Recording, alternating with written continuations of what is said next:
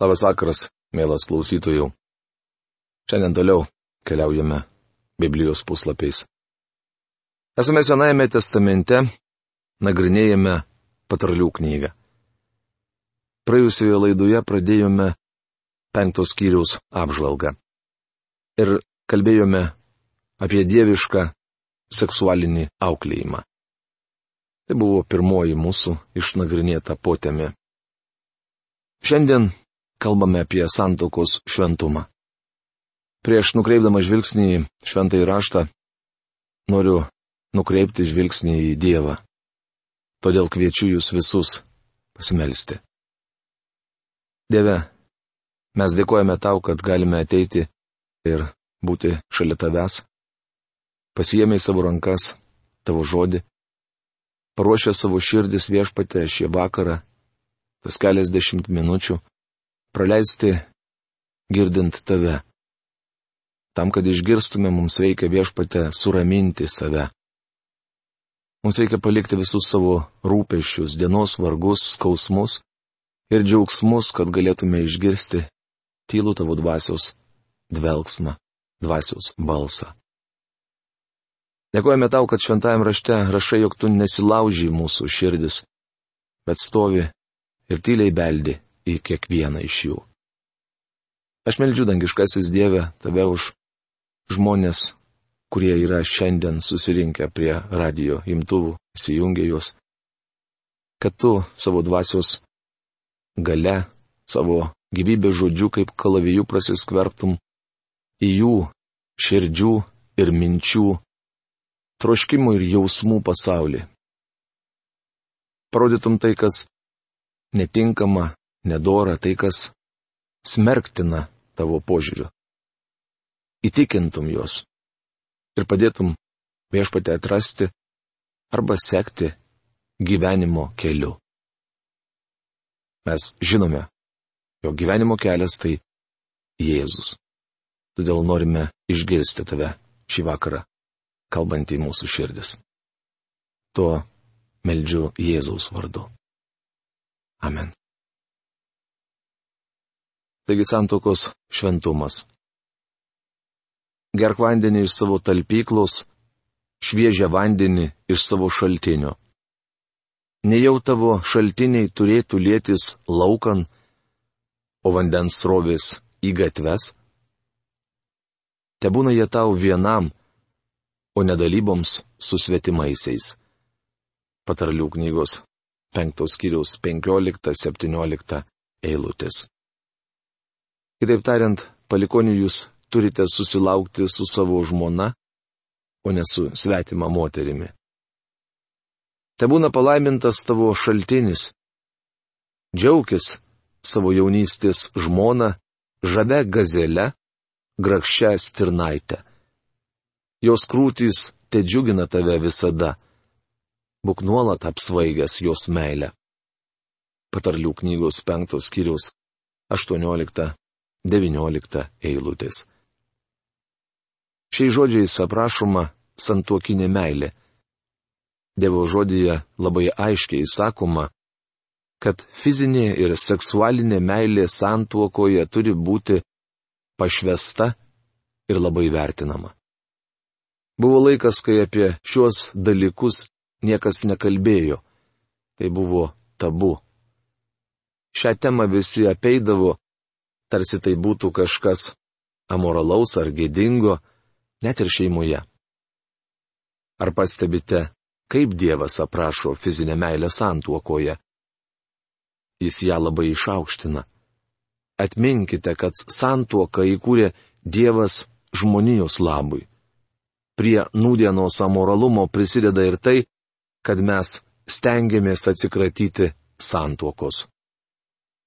Dievo vaikas žiūrėdamas į krikščionišką šeimą, gali geriau suvokti Kristaus ir bažnyčios santyki. Kilnesnių ir šventesnių santykių nebūna. Štai kodėl taip skaudu matyti, kaip yra šeimos. Net ir krikščioniškos. Tai neatskiri atvejai, bet pakankamai dažnas reiškinys. Dėl to bažnyčia turėtų pulti prieš Dievą ant kelių ir aiškintis, kokios to priežastys. Tai rodo, kad Dievo žodis nepasiekia žmonių širdžių.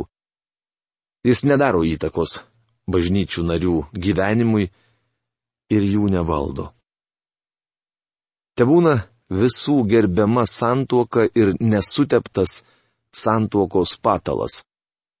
O ištvirkelius ir svetimautojus teis Dievas.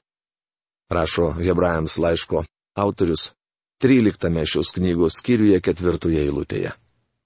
Dievas vadina santuoką nuostabiu ryšiu.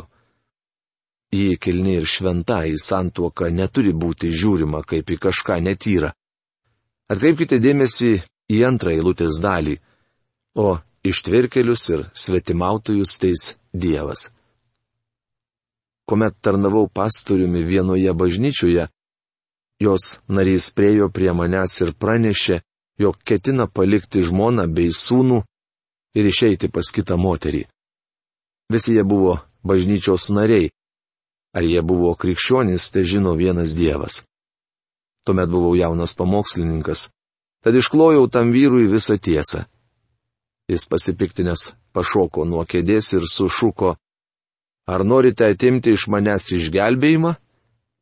Aš atsakiau, brolau, jei jūs turite išgelbėjimą, neketinu jo iš jūsų atimti. Tačiau noriu jums pasakyti vieną ir noriu, kad tai atsimintumėte jūs elgiatės kaip velnio vaikas. Jei iš tikrųjų esate Dievo vaikas, vieną dieną jis nusives jūs į malkinę, suprantate apie ką kalbu, ir gerai iškarš jums kailį. Gali būti, kad net atims iš jūsų gyvybę. Vyras tik paniekinamai šyptelėjo ir apsisukęs išėjo. Jis vedė kitą moterį. Praėjo daug metų. Šiandien toji pora yra vienišiausia, liūdniausia, labiausiai nemiela ir nusivylusi, kokią tik aš pažįstu. Esu tikras, jog jie abu pasakytų, o kad galėčiau grįžti į praeitį ir viską ištaisyti. Apaštalas Petras ragina vyrus supratingai gyventi su savo žmonomis, kaip turinčiomis kartu paveldėti gyvenimo malonę, rašoma pirmame Petro laiške trečiame skyriuje, septintoje eilutėje. Jis sako, kad tada vyrų maldos nebus trikdomos. Tai geriausias rodiklis. Kai vyras sugyvena su žmona taip, kad jėdu džiaugiasi ir pasitikė vienas kitu, gali melstis ir mylėti kartu, jų šeimoje atsispindi Kristaus santykis su bažnyčia. Noriu pasakyti jums, bičiuli, kad Dievas gali laiminti tokius namus ir laimins. Tai be galo svarbu. Kamgi turėtumėjai alpti dėl palaidūnės, mano vaikė, ir glamonėti svetimautojos krūtinę. Juk kur eina žmonės, viešpats aiškiai mato, jis stebi visus jų kelius. Patarlių knygos penktos skyrius 20-21 eilutės. Tai įdomi eilutė. Juk kur eina žmonės, viešpats aiškiai mato, jis stebi visus jų kelius. Mes turime suprasti, kad Dievas mato mus visą laiką. Jis mus stebi. Siki žaidžiau golfą su dar dviem pamokslininkais, kai prie mūsų prisijungė vienas netikintis vyras. Kai jis sužinojo, kas mes, džiaugiasi galėdamas su mumis išsiskirti patyręs, kad esame tarnautojai, tas vyras ėmė atsiprašinėti, kad prieš tai buvo riebiai nusikeikęs. Aš jam pasakiau, brolau, nekreipki mūsų dėmesio. Mes tokie pat žmonės kaip ir jūs. Tačiau Dievas visą laiką girdi tokias jūsų kalbas. Nesvarbu, kur esate - golfo aikštynė ar bare - visi jūsų žodžiai pasiekia Dievo ausis. Jagvė aiškiai mato, kur eina žmonės. Jis stebi mūsų kelius ir galvoja, kodėl mes taip kalbame ar elgiamės. Manau, Dievą dažnai stebina tai, ką mes sakome ir darome. Nedora žmogų pasivys jo kalties, jis bus pagautas savo nuodėmės pinklėmis. Jis turės mirti nesudraustas. Jis pražus per savo didelį kvailumą. Patarlių knygos penktos skyrius 22-23 eilutės. Dievas sako, jog artėja atsiskaitimo atpildo diena. Žmogui atrodo, kad jam pavyko išvengti bausmės už nuodėmę. Tačiau Dievas sako, jog niekas nepraslys pro jokis. Žmogų pasivys jo kalties, jis bus pagautas savo nuodėmių. Patarlių knygos šeštas skyrius. Šiame skyriuje paliečiama daug skirtingų temų. Iš pradžių skaitome patarimą, kuris labai naudingas nūdienos verslininkams, tiek krikščionims, tiek nekrikščionims. Tai keletas gerų verslo principų. Matote, Dievas yra davęs daug gerų patarimų visai žmonijai. Tiek išgelbėtiems, tiek neišgelbėtiesiems. Taigi verslo principai. Mano vaikė, jei laidavai savo kaimynui, jei kitam už jį padavėjai ranką, esi susisaistęs savo lūpų pareiškimu, esi įkliuvęs per savo ištartą žodį. Patarlių knygos šeštos kiriaus pirmą antrą eilutės. Čia paminėti du geri universalūs patarimai. Būkite atsargus pasirašydami draugo sutartį ir niekuomet netapkite partnerių nepažįstamam.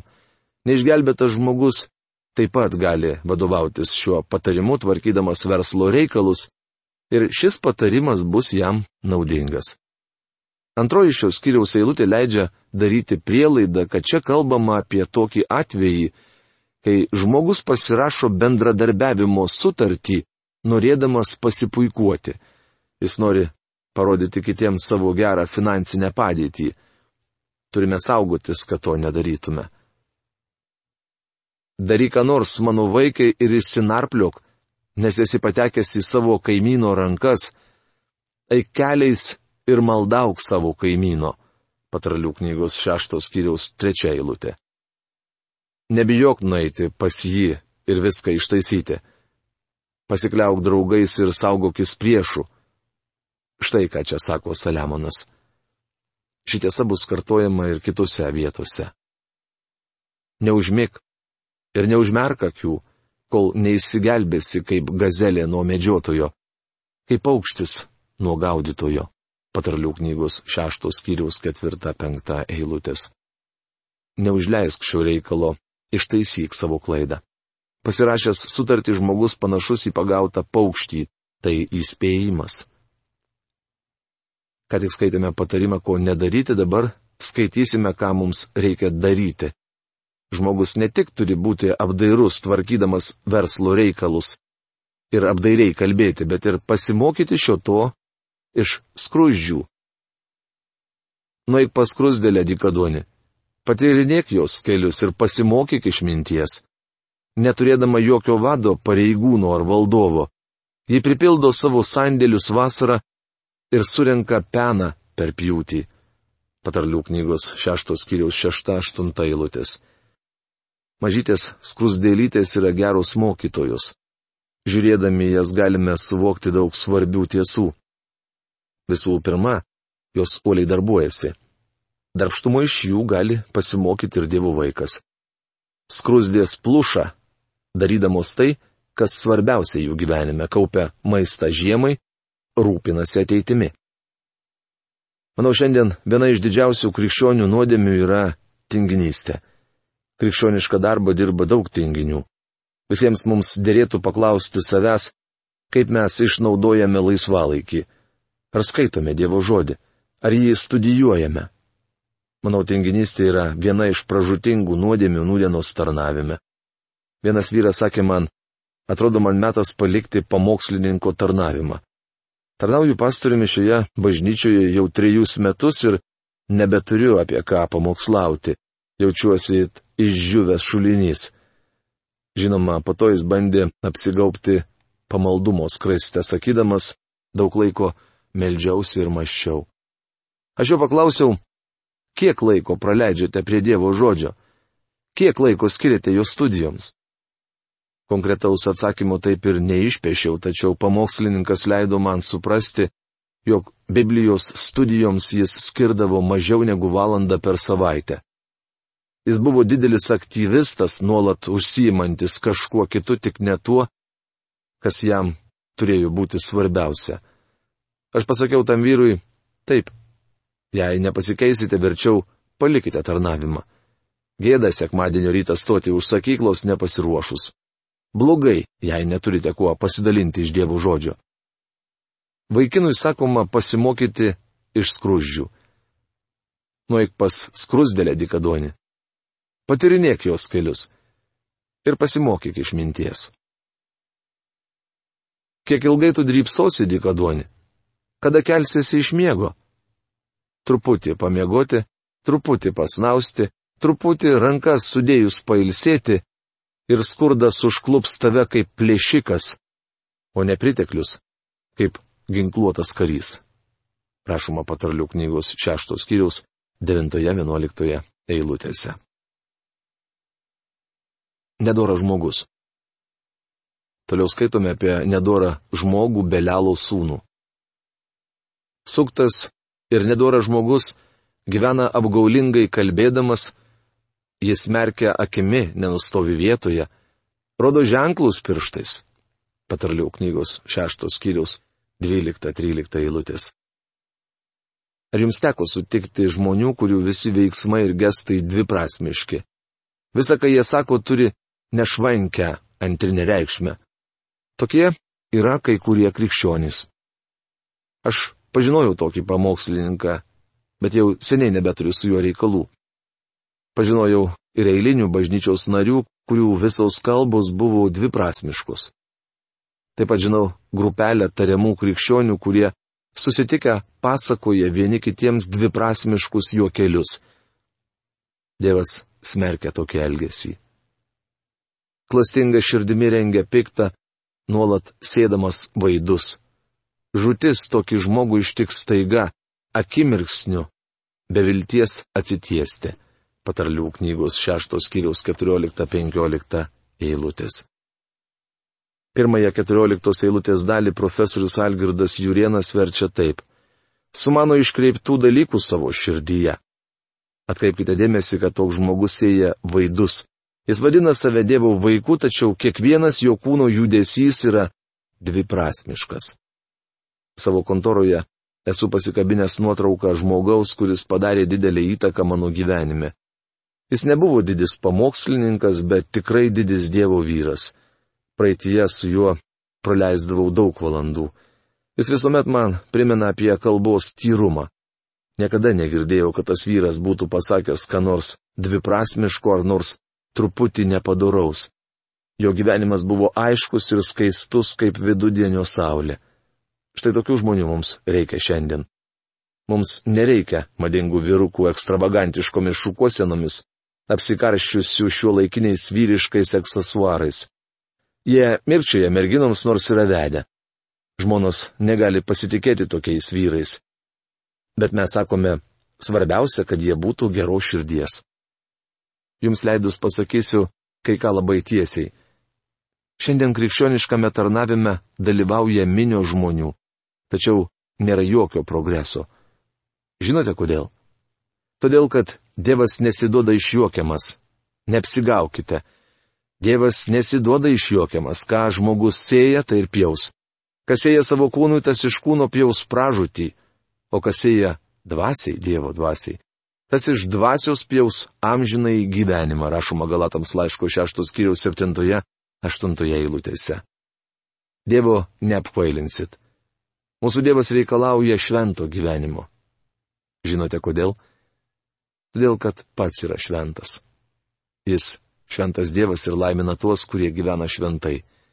Mes turime suprasti, jog turime reikalų su šventu Dievu.